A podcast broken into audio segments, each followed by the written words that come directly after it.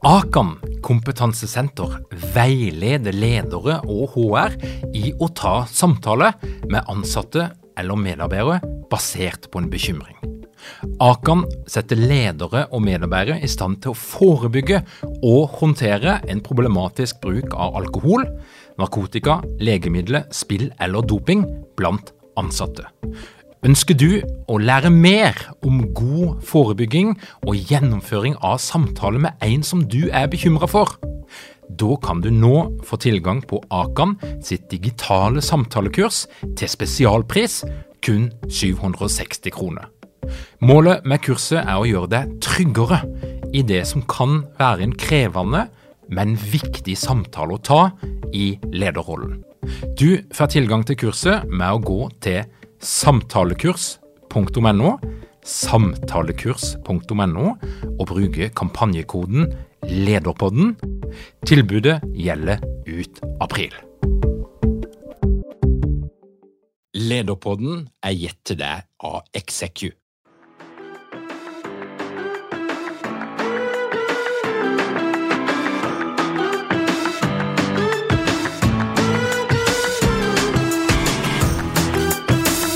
Velkommen til Lederpodden. Mitt navn er Tor Åge Eikerapen. Jeg jobber som organisasjonspsykolog, og dette her er en podkast om ledelse. Ungdommen nå til dags foretrekker luksus. De har dårlige manerer, de fornekter autoritet, og de har ingen respekt for eldre mennesker. De prater når de egentlig burde jobbe, de motsier foreldrene sine, de tyranniserer lærerne sine, og de har trynet nedi telefonen sin døgnet rundt, sa angivelig Sokrates ca. 400 år før Kristus bortsett fra det siste med mobiltelefonen. Da. Temaet er ikke nytt, men med jevne mellomrom så dukker det opp en del bøker, foredragsholdere og andre misjonærer som vil overbevise deg om at den generasjonen som kommer akkurat nå, ja, den er det noe helt spesielt med. Og hvis du ikke vet åssen du håndterer den gjengen der, så kan det gå veldig galt. Men vi lever i ei tid der ulikhetene mellom generasjonene, eksempel når det gjelder digital modenhet, ja, den er nok større enn noen gang før. Og det samme gjelder engasjement, eksempel knytta til bærekraft. Så kanskje er det verdt å lytte til noen ord om hva som kjennetegner ungdommen nå til dags. Jakob Mørk han er gründer, han er siviløkonom, han er daglig leder i Bravo, og han jobber med innovasjon og teknologi. Og nylig var han ute med en ganske tydelig beskjed til gammeldagse arbeidsgivere om at ingen av de flinkeste vennene hans vil jobbe hos de. Og hvorfor vil de ikke det? Det skal du få svaret på i dag. Men først noen ord fra vår sponsor. Hei, mitt navn er Cecilie Ysnes Myhre. Jeg håper jeg ser deg på vårens utgave av lederprogrammet, da jeg skal undervise om selvledelse. Velkommen til Lederpodden, Jakob. Tusen takk. Så hyggelig å være tilbake. Du, Jakob, du, eh, Sist vi snakka sammen, så var det pandemi, og du gjorde det, markerte det med remote work og var hardt inne og utnytta de digitale mulighetene som, som, fantes. Men så har jo verden gått videre, og, og nå er jeg jo nysgjerrig på hva, hva er det gøyeste du holder på med nå for tida? ja, verden har absolutt gått videre, det er helt riktig tenker ikke, ikke, så mye på remote work og digital samhandling eh, lenger. Eh, egentlig gå tilbake til det vi egentlig holdt på med før pandemien, som er innovasjon og forretningsutvikling, og ikke minst eh, IT-utvikling, som vi har blitt veldig mye flinkere på de siste par årene. Og da har vi funnet en, en stor megatrend som kalles for lavkode, eller low code, eller no code, som, uh, som vi er veldig, veldig, betatt av om dagen. Da, som basically gjør at vi kan lage nye digitale produkter og tjenester og apper og alt mulig rart mye, mye kjappere enn før. ved å egentlig ja, Det er litt sånn som software-versjonens svar på legoklosser. I stedet for å gjøre absolutt alt fra scratch, så kan man bruke en del ferdige løsninger da, og sy de sammen og lage, lage software, selv, selv, vi som ikke er teknikere i bånn. Så det syns jeg er veldig spennende for øyeblikket. Og Dette her er jo mange sagt er svaret på det problemet som har vært knytta til å skaffe IT-folk, programmerere og utviklere. Altså Vi må ha mer lavkode, no code, sånn at eh, folk som nødvendigvis ikke er kjempedyktige programmerere, men allikevel har en øye for å få ting til å fungere, kan bidra og, og gjøre en jobb. Nettopp. Og akkurat her er jo det er nettopp det som er så fantastisk. Det er jo på mange måter en sånn demokratiserende teknologi i dette her. fordi at uh, Hvis man viser en, en, skummel svart skjerm med masse tall og kodelinjer på til en, uh, til en enkel siviløkonom fra Porsgrunn som meg, f.eks., eller til andre som ikke har studert programmering i fem år, så er jo det helt gresk. Mm. Det sier meg jo ingen verdens ting, og det er veldig lite altså veldig lite eh, innbydende, veldig lett, eh, vanskelig å komme i gang. Mm. Mens med disse lavkodeverktøyene så kan jo selv, selv vi, økonomer og designere og folk som har gode og dårlige ideer som gjerne skulle blitt satt ut i verden, nå får vi også muligheten da, til å være med på denne software-revolusjonen. Mm. Så det er veldig, veldig spennende, syns jeg. Og så er du jo ikke bare engasjert i, i, jobben din, det du holder på med. Du er jo samfunnsengasjert, og du, du har en del meninger. Og du gikk eh, for ikke så veldig lenge siden ganske hardt ut. Og, og, du er ikke alene, for det er ganske mange for tida. Hvis vi kikker ut på LinkedIn, så vil jeg påstå at det er nesten en liten bevegelse der det er et slags sånn generasjonsoppgjør mot det som blir ansett for å være gammeldagse arbeidsgivere som frister med noe som ingen vil ha. Jakob, hva, hva, var som, hva, var det som, lå bak dette her engasjementet? Hvorfor følte du behov for å flagge uh, her, uh, de her påstandene? Jo, dette her kom jo uh, Det er jo egentlig LinkedInifiseringen av et foredrag som jeg har holdt et, en del ganger nå. Eh, og jeg har brukt en liksom polariserende tittel, som er at uh, kjære næringslivstopp, ingen av de flinkeste jeg kjenner har lyst til å jobbe for deg. Hvorfor er det sånn? Um, og bakgrunnen for det er jo det at jeg opplever at det er en uh, utvikler seg ganske, et ganske stort gap mellom det unge talenter uh, i dag, unge voksne, Eh, det de forventer, eller det de ser for seg at arbeidslivet skal, eh, skal by på eller handle om, mm. kontra det, det, de faktisk møtes med da, når de, når de, kommer ut i jobb eller de skal eh, ja, headhuntes inn et sted eller skal prøve å lokkes til å bli værende i jobben sin, eller hva enn det måtte være. Der er det en, en, en mismatch, da, rett og slett. Ja, og den, hvordan, kommer den mismatchen til syne? For at vi har jo nå lenge hatt en situasjon som det kan godt være den er i ferd med å snu, men fremdeles er det jo altså sånn at arbeidsgivere mangler flinke folk. Spesielt flinke folk som kan noe om teknologi, det digitale, hva det nå måtte være for noe, og de er jo da ofte litt yngre. Nettopp. Ja, jeg tror dette begynner eh, jeg tror noe av det stammer i akkurat det du sier, da, som er det at for de aller, aller flinkeste talentene i dag, så er egentlig maktdynamikken i arbeidsmarkedet snudd opp ned, eller inn ut, eller bak fram, eller hva du ville kalle det. Man tenker tradisjonelt sett at, den, eh, at, arbeidsmarkedet så kort fortalt fungerer sånn at eh, når du er ferdigutdannet, eller når du er på jobbjakt, så eh, kommer du med luen i hånda til eh, en eller annen arbeidsgiver, og så er det da arbeidsgiveren som har seleksjonsmakten, da, som kan plukke og velge sant, blant masse flinke folk som kommer og, kommer og ønsker seg en jobb. Mm. Men de siste par årene så opplever jeg at det har vært helt motsatt. Eh, som du sier, det kan ha noe med knapphet på, på folk å gjøre. Eh, men faktum er at de aller flinkeste i dag, spesielt de, de unge voksne som, som, du sier, som kan Eh, som behersker teknologi i en eller annen grad. Det er de som får, eh, som får velge og vrake nå, da, blant arbeidsgivere som kommer og banker på døra. Uh, og jeg har sett, uh, sett LinkedIn-boksene til flere, flere, gode venner som jeg vil kategorisere som svært flinke folk. Og kom, altså, de får jo en, en headhunter i, i, fleisen hver eneste dag. 365 dager i året. Uh, og da sier det seg selv at man Det nytter ikke bare å, å, komme og lokke med en helt ordinær uh, jobb. Du må på en måte gjøre noe mer, da, fordi at den, uh, ja, den seleksjonsmakten har flyttet seg til, ned til arbeidstakerne, rett og slett. Men det er jo mange arbeidsgivere som tenker at de knekt koden, for de, de kjøpte inn shuffleboard, de kjøpte inn en sånn der uh, fotballspillgreie og, og, kanskje noe annet uh, moro. Saccosekker. De bygde en lounge, uh, og så har de bra lønn. Så da, da må Er ikke det nok? jo, du sier noe. Det er jo, det er jo flere elementer her. Da. Hvis vi begynner med lønn og det jeg kaller for litt sånn gammeldags insentiver, så opplever jeg at den type ting har blitt hygienefaktor. Det er ikke noe man kan skille seg ut på lenger, med mindre du vil overbetale noe helt hinsides. da. Så lønn og pensjon og forsikring det, liksom, det, det, vekker ikke noe, trigger ikke noe, noe, entusiasme lenger. Det er på en måte bare baseline.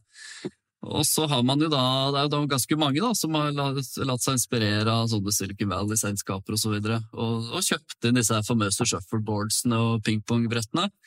Uh, I et eller annet håp om at det, det, skal være utrolig kult og fett.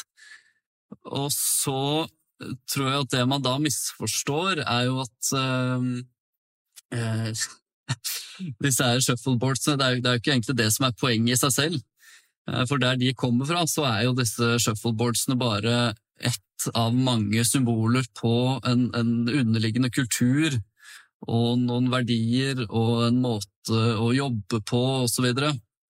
Eh, som er mye mer fundamentalt da, i, i, visse typer virksomheter, kanskje spesielt i liksom frem, fremadstormende teknologivirksomheter i Amerika osv. Så, eh, så hvis man da bare plukker det som ligger helt eh, over isfjellet, det som er synlig, om det er et shuffleboard eller eh, en saccosekk, og stapper det inn uten å gjøre noen endringer i i eh, ja, kultur, eller hvordan man opererer, eller verdier, eller hva det måtte være, så blir det, det blir litt for enkelt. Mhm. Får, det er på en måte ikke der, det er ikke det som er poenget, det er bare det som er synlig.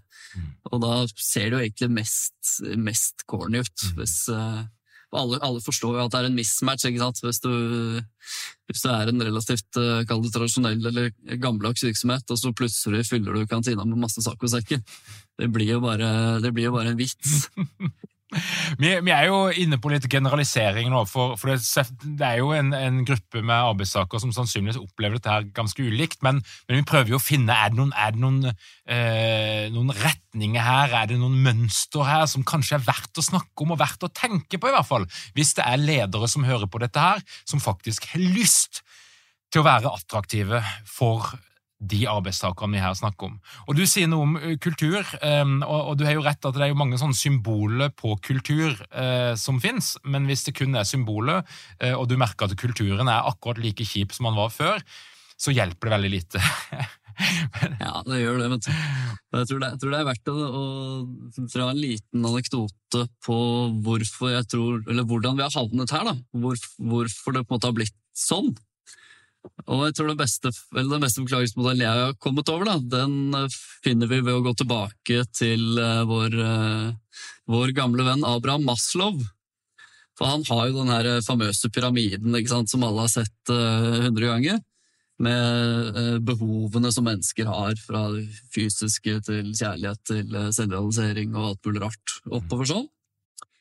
Um, og så, hvis man ser eh, hvis man har det med seg, da, og, så, og, så, tenker man litt på hvordan unge voksne eh, i Norge i dag har vokst opp, så har jo vi vært så uforskammet privilegerte som det er mulig å bli. Vi har jo vokst opp i eh, ja, universets eh, beste sted eh, og i verdenshistoriens beste tidspunkt. Og det har vært eh, egentlig bare overflod hele veien. Og det betyr, da, hvis vi går tilbake til Maslow, at de par første stegene på den pyramiden hans, det er jo ting som jeg og mine, mine medmillennials og Gen Zs aldri noensinne har tenkt å ha noe forhold til. Det har vært uh, trygt og godt, det har vært uh, varmt, uh, varmt, og komfortabelt, det har vært mat servert hjemme tre ganger om dagen. Alt det har vært check, check, check, kjempeflott. Og det det betyr, da, er jo at hele mitt liv, og hele vårt liv, eh, for å snakke på vegne, vegne av en generasjon, har jo handlet om de tingene som ligger langt oppe. Det handlet om selvrealisering. Det handlet om å utvikle meg til den beste versjonen av meg selv. Det har handlet om at uh, mamma har sagt at jeg kan få til hva som helst, at det er et uh, unikt snøfnugg, og at all, alle muligheter er åpne, hipp hurra. Så det er jo det vi har interessert oss for og tenkt på og prøvd å optimalisere for i et helt liv. Og så, da, kommer vi jo da, kom vi da ut en vakker dag fra et eller annet studiested med diplom i hånda og skal da møte arbeidslivet. Og der opplever jeg at mismatchen starter, da. Fordi at når vi da går ut eh, og skal møte med, i møte med arbeidslivet, så opplever jeg at lokkemidlene, eller det, det, det kommuniseres om, det er sånne ting som ligger ganske langt nede på Maslows eh, pyramide. Det er eh, ålreit lønn, det er pensjonspoeng på 4% og det er ja, alle, alle, disse basic trygghetstingene. Da. Det skal være trygt og godt. Og det er for så vidt vel og bra, men det er jo ikke noe særlig engasjerende. For det, det, det, handler jo ikke, på ingen måte om hvordan jeg skal kunne ha impact på verden, eksempel. Hvordan jeg skal kunne bidra. Hvordan mine, mine spesielle gaver skal komme til nytte. Hvordan jeg kan utvikle meg som menneske og som, eh, og som profesjonelt individ osv. Og det høres jo litt, eh, litt uh, flåsete ut når jeg sier det, men jeg tror det ligger noe der, altså. Mm. Så hvis, uh, hvis man som arbeidsgiver kunne greid å løfte seg et par hakk oppover i, i både kommunikasjonen utad og ikke minst hvordan man uh, rigger sjappa si og hvordan man jobber og osv., så, videre, så tror jeg man vil finne mye mer resonans. da. Mm. At uh, man vil skape mye mer engasjement hos disse unge menneskene som, som er vant til å sitte, sitte på toppen av Maslows pyramide og spinne. ja, og jeg hører jo noe om, om, Maslow, men jeg hører jo noe om indre og ytre motivasjon. Ja, visst. og at, eh, at, de her arbeidsgiverne som bommer litt, de er kanskje for orientert mot det som skaper ytre motivasjon. Det kan være status, det kan være penger, det kan være form former for anerkjennelse. mens de er for lite opptatt av det som skaper den herre indre motivasjonen. Og da er jeg nysgjerrig på, Jakob, Hva er det som kjennetegner en arbeidsgiver og en ledelse som, som klarer å, å, møte de her forventningene? Hvem er det som er attraktive? Ja, det er jo eh, tusenkronersspørsmålet, det. da. Mm. Um, jeg har tenkt en del på dette, og min foreløpige konklusjon er at de som ser ut til å vinne denne talentkampen, da, som tiltrekker seg disse unge menneskene som vil uh, ha impact og alle disse, liksom, disse tingene som er litt vanskelig å forstå hva egentlig er, det er jo selskaper som greier på et eller annet vis å, ut, å utvikle en form for X-faktor.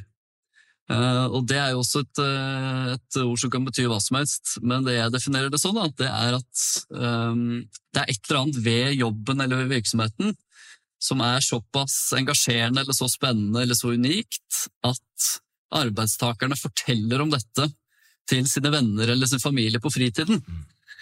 Og den syns jeg er en ganske sånn fin, uh, fin definisjon, fordi at da, uh, da kan man jo tenke selv da, hvilke, hvilke arbeidsplasser eller hvilke uh, frynsegoder eller hva det måtte være, er det man, man hører om som man tenker at oi, det, det var jo litt, litt nytt eller litt spesielt. da. Og det kan jo være alt fra på det helt verdimessige så handler det om hva som er grunnen for selskapets eksistens, f.eks. Hvis man er liksom på de virkelig dype, dype, tingene.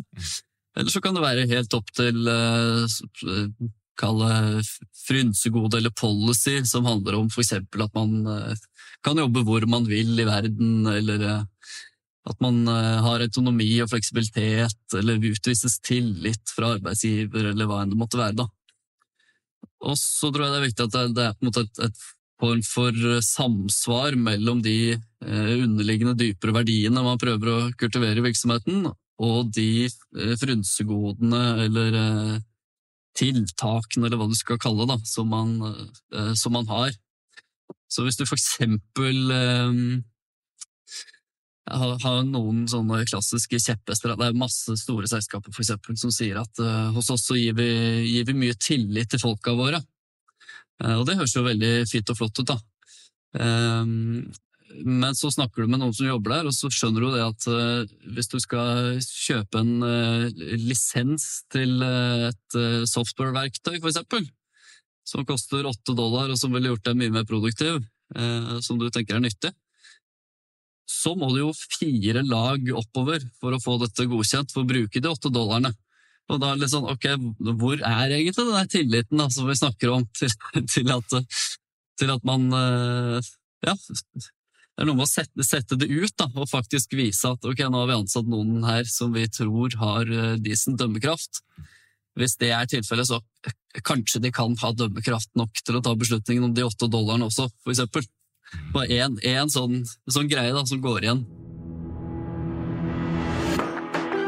Hei, jeg heter Bård Fyn. Gjennom 15 år i Forsvaret så jobbet jeg masse i team, og det bygde opp en nysgjerrighet om hva det skal til for å få det beste ut av samarbeid. Nå forsker jeg på å undervise om eh, hvordan psykologisk trygghet kan bidra til gode teamprestasjoner. Jeg skal delta med en modul på lederprogrammet til våren, der du skal få lære om eh, hvordan du på en praktisk måte kan lede til psykologisk trygghet. Jeg håper å Har ikke mange ledere uten trening eller utdannelse innen ledelse? Mangler du ikke en felles kultur og praksis for ledelse? Ønsker dere å være bedre rustet for fremtidig vekst og endring? Da kan et internt lederutviklingsprogram være en god investering. I Execu så er vi eksperter på å designe og gjennomføre bedriftsinterne lederutviklingsprogram. Hvis du ønsker å lære mer om hvordan vi kan hjelpe dykken til å få enda bedre ledere, ta og klikk deg inn på execu.no.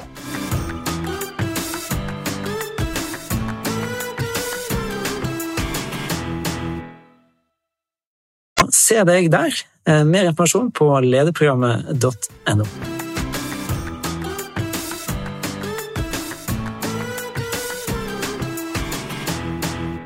Så Du sier noe om at byråkrati, overdreven kontroll og det som i realiteten er en kultur for mistillit, det er eh, ganske lite tiltrekkende i denne her sammenhengen.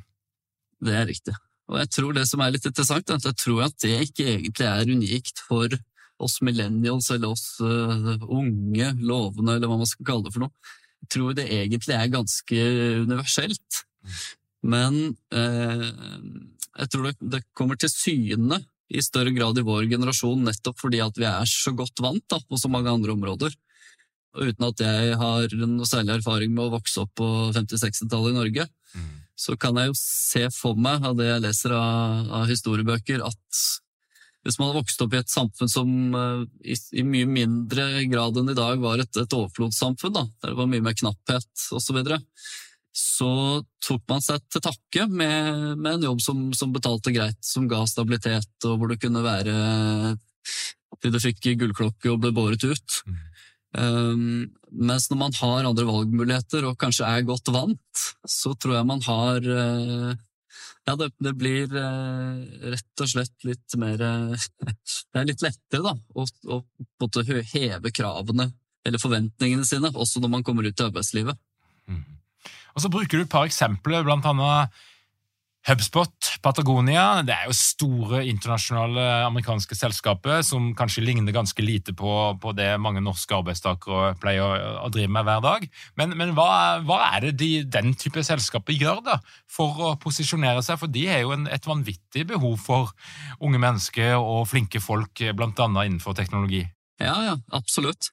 Der tror jeg også vi må tilbake til dette med X-faktor. altså. Og Der har vi et par eksempler fra Patagonia, for eksempel. De har jo en, eh, en, policy som bare heter Great Surf Policy, som gjelder for hele selskapet. Eh, og Det betyr rett og slett at eh, og her er Bakgrunnen er jo at dette er et selskap som er startet av en naturelskende kar. Og de har et stort kontor, hovedkontor på stranden i California. Så denne policyen da, den sier det at hver gang det er skikkelig gode bølger, mm. så oppfordres alle til å gå ned i kjelleren på kontoret, plukke med seg et surfebrett og komme seg ut. Og da kan man jo lure på ok, hva, hva koster dette Patagonia i løpet av et år? Eh, la oss si det er ti sånne surf days da, i året, eller 15, eller whatever. Så kan man jo begynne å regne på det hvis man vil se på kostnadssiden. Men så kan man jo også snu det rundt da, og tenke hva er verdien av at vi sitter her ni tidssoner unna og snakker om dette nå, for eksempel? Og hva gjør den type policies med, med evnen til å beholde talenter og tiltrekke seg talenter? Eh, og så kan man godt se for seg at det kommer ut eh, som en veldig netto positiv ting, da, også for selskapet, og kanskje til og med for en, eh, en ganske blå Excel-drevet CFO, for eksempel. Og HubSpot har jo en annen en som er ganske fin, som jeg fikk, fikk oppleve personlig. Og der er jo historien kort og godt at jeg møtte på en kar i Amerika for noen år siden. Da jobbet han hos Google, og vi ble litt kjent en sommer. Og så skulle jeg tilbake da, til USA et, eh, et, år eller to etterpå, så sendte jeg han en melding. da. Så skrev jeg at eh, du, Josh, nå kommer jeg tilbake, skal vi, skal vi treffes? Ja, ja, ja, gjerne det. Ja, så sa han ja, booker et, booker et bord da, til middag. Og så, en uke, da, før, en uke før jeg kommer, så får jeg en melding fra Josh som jeg opplevde som litt kryptisk. Og han da skriver det at du, jeg gleder meg til middag. By the way, det er fint om, om du kan forberede noe som du kan lære meg på denne middagen.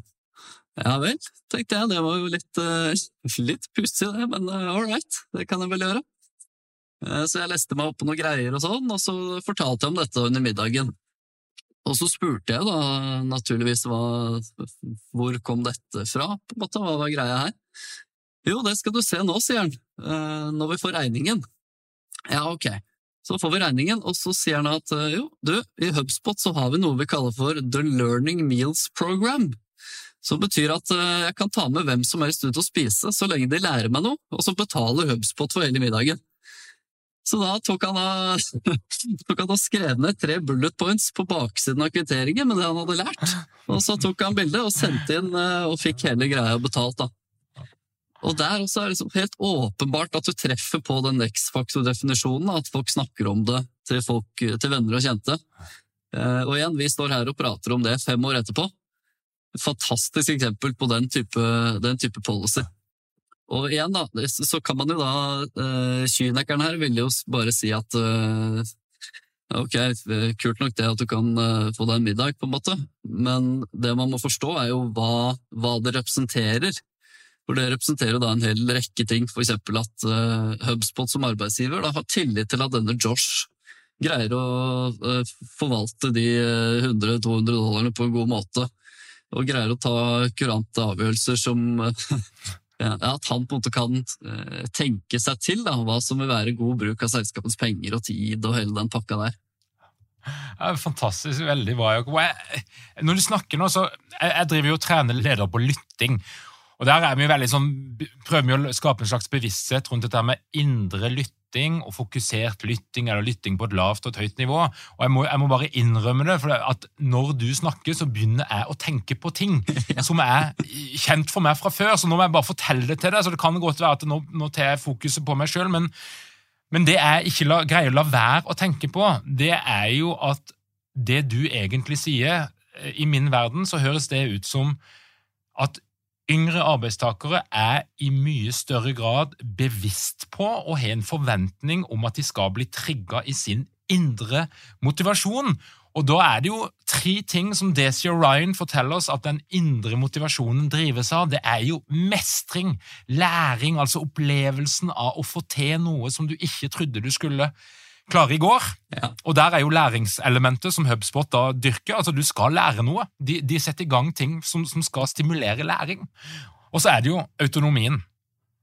Vi liker ikke byråkrati, vi liker ikke å bli overstyrt, vi liker ikke at uh, folk ikke viser tillit. Vi må ha mulighet for selvbestemmelse i jobben vår, og hvis du driver og legger på med masse restriksjoner, så mister jeg den her indre motivasjonen.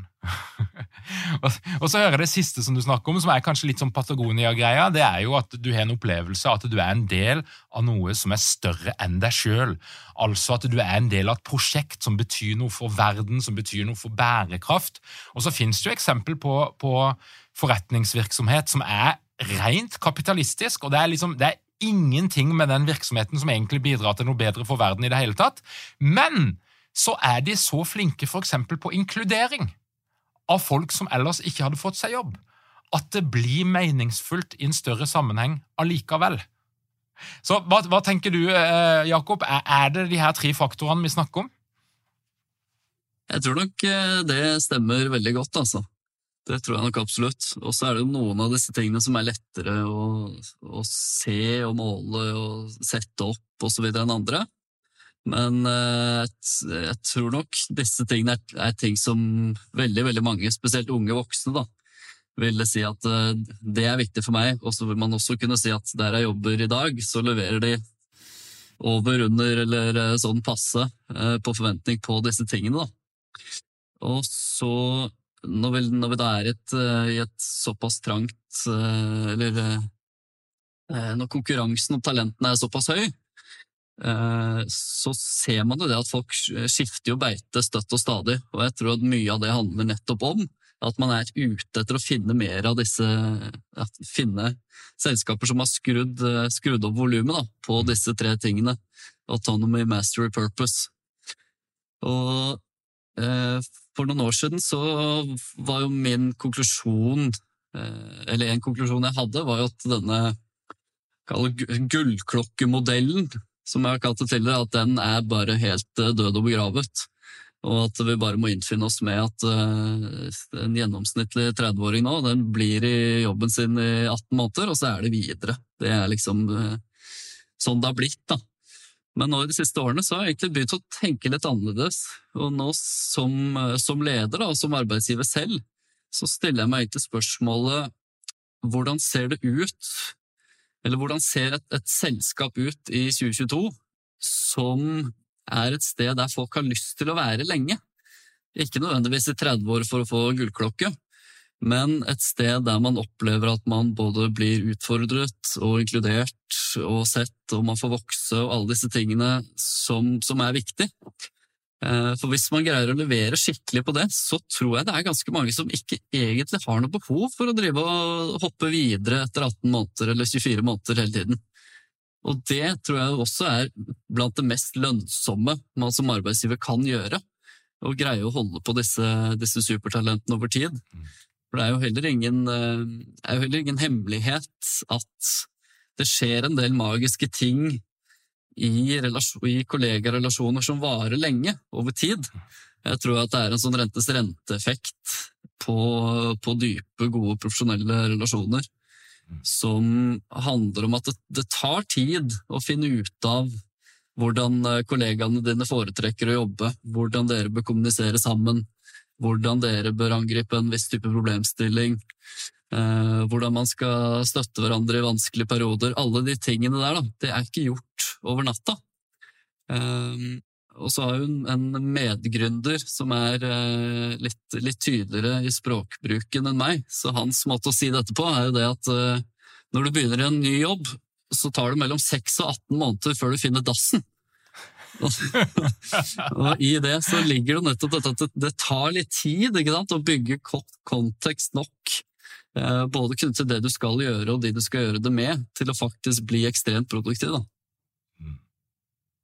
Og den, den andre sida her som jeg kjenner litt på, for jeg snakker med en del ledere der noen sier at de syns det er problematisk med unge arbeidstakere, for de sitter med en opplevelse av at eh, det handler aller mest om hva kan bedriften gjøre for meg, og ikke så mye om hva kan jeg bidra med i bedriften. Altså at Det er noe med at det, eh, det er mye forventninger, eh, og kanskje litt dårlig respons når en blir stilt krav til. Så en kan jo, altså Det lukter jo litt her at vi kan jo sitte med liksom, Er det noe arbeidsmoral her? Er det en gjeng bortskjemte drittunge som akkurat nå har et arbeidsmarked som er i deres favør, men som egentlig ikke vil funke i et mer balansert marked? Altså, Hva tenker du? Eh, nei, Som representant for millennials-generasjonen så må jeg jo egentlig si meg enig i den uh, i noe av de, den, den oppfattelsen da, av hvordan mange av oss er. Og akkurat det er jo også grunnen til at jeg i denne, denne foredragstittelen min snakker om de flinkeste jeg kjenner. Mm. Ehm, for jeg tror det er veldig veldig stor forskjell, kanskje enda større forskjell enn før, på verdiskapingsevnen og outputen til de flinkeste i, blant oss, og, og, og, oss andre, egentlig. Mm. Um, og en åpenbar grunn til det er jo teknologi, som gjør at de forskjellene i verdiskapingsevne blir utrolig polariserte. Og for å forstå det, så kan man jo se for seg f.eks. at du, eh, du, finner ut hvem som er den aller flinkeste taxisjåføren i Oslo. Og så sammenligner du han eller henne med den gjennomsnittlige taxisjåføren i Oslo. Og så finner du ut av hvor stor forskjellen da, i, i eh, verdiskapingsevne eller output er. Og så vil du sannsynligvis se at den er kanskje ikke sånn voldsomt stor. Men hvis du gjør akkurat den samme øvelsen på en eh, softwareutvikler, eller en designer eller en forretningsutvikler f.eks., for som har teknologiverktøy, digitale verktøy, eh, ved sin eh, hjelp, så kan man jo se at forskjellen i output på en gjennomsnittlig La oss ta utvikler, da, siden det er ekstremtilfellet. På en gjennomsnittlig og Oslos beste utvikler, den kan være 1000x eller 10 000x. Og de forskjellene er jo bare helt sånn Det er nesten umenneskelig å forstå, da, hvor, uh, hvor stor den deltaen faktisk er. Og hvis du utvider søket til ikke bare handle om Oslo, men egentlig hele verden, uh, hvis man tar inn over seg at uh, vi, lærte noe av denne pandemien, som var at man ikke nødvendigvis trenger å sitte her i Akersgata for å jobbe sammen med meg, eksempel, så skjønner man jo at det er med, med, den type forskjeller da, i verdiskapingsevne, så blir det egentlig ganske naturlig, en ganske naturlig konsekvens at de aller flinkeste kan snu seg rundt til arbeidsgiverne og stille krav i retur. Det som er problemet, er jo når den, eh, den måten å stille krav på, eller å spørre hva kan arbeidsgiver yte for meg, eh, hvis det på en måte adopteres av folk som ikke egentlig har verdiskapingsevne, til å, til, uh, å kunne yte den type Eller kunne stille den type krav, da, da blir det jo selvfølgelig krøll. Og jeg tror det er det mange kjenner på. Jeg tror disse lederne du snakker med, ville hatt veldig lite problemer med å eh, oppfylle disse kravene eller ønskene hvis det utelukkende kom fra ekstremt high performers. Et veldig godt poeng. Du, eh, Jakob, før jeg slipper deg, du har vært ute med en liten rant mot Adam Grant.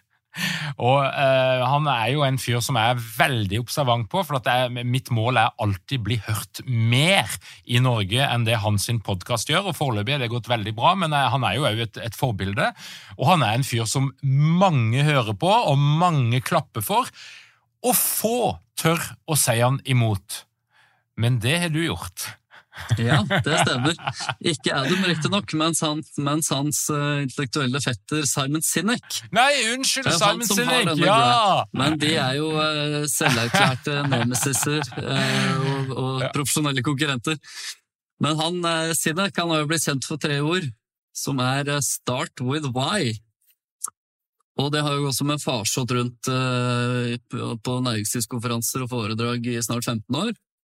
Og Poenget hans er jo at hvis du, hvis du finner et, eh, et, eller annet som folk bryr seg om, eh, som de virkelig lever ånde for, så kan de egentlig finne ut av how og what etterpå. Og det er jo veldig mye fint i det. Eh, men min rant, eller min brannfakkel, er jo at det er noe annet som er enda viktigere enn å starte med why, og det er å starte med who.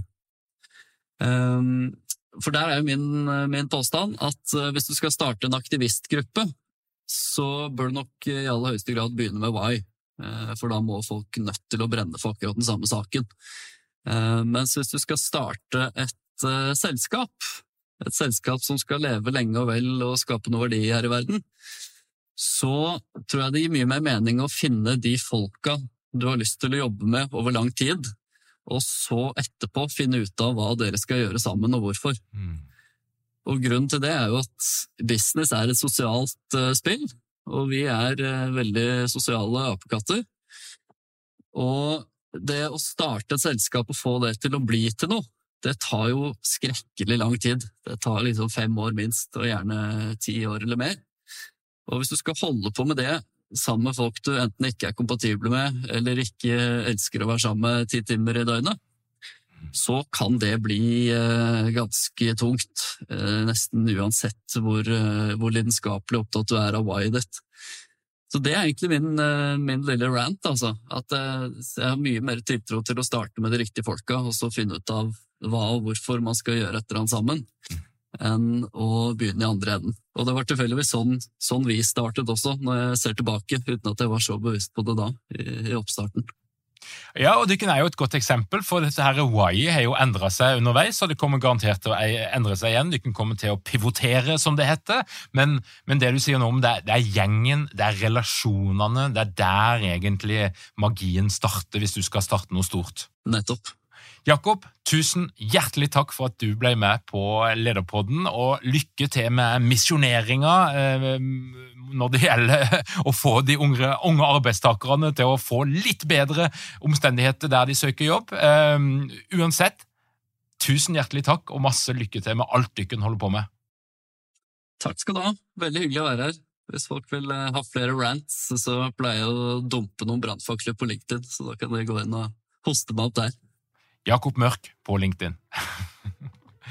Til deg som hører på, hvis du har lyst til å få med deg alt som skjer i vårt lederunivers, da gjenger du inn på lederpodden.no. Du trykker på den rette knappen, du skriver inn din e-post, og vips, så får du vårt ferske nyhetsbrev i din innboks hver eneste fredag. Og nå er jo da lederprogrammet lansert. Vi setter i gang 28. februar. Vi har bare 30 plasser. Det er i ferd med å fylle seg opp. Og Hvis du er nysgjerrig og har lyst til å vurdere om dette er måten du skal utvikle deg på og ta et nytt skritt i 2023, så finner du alt du trenger på lederprogrammet.no. Takk for at du hører på Lederpodden. Vi høres igjen om ei uke.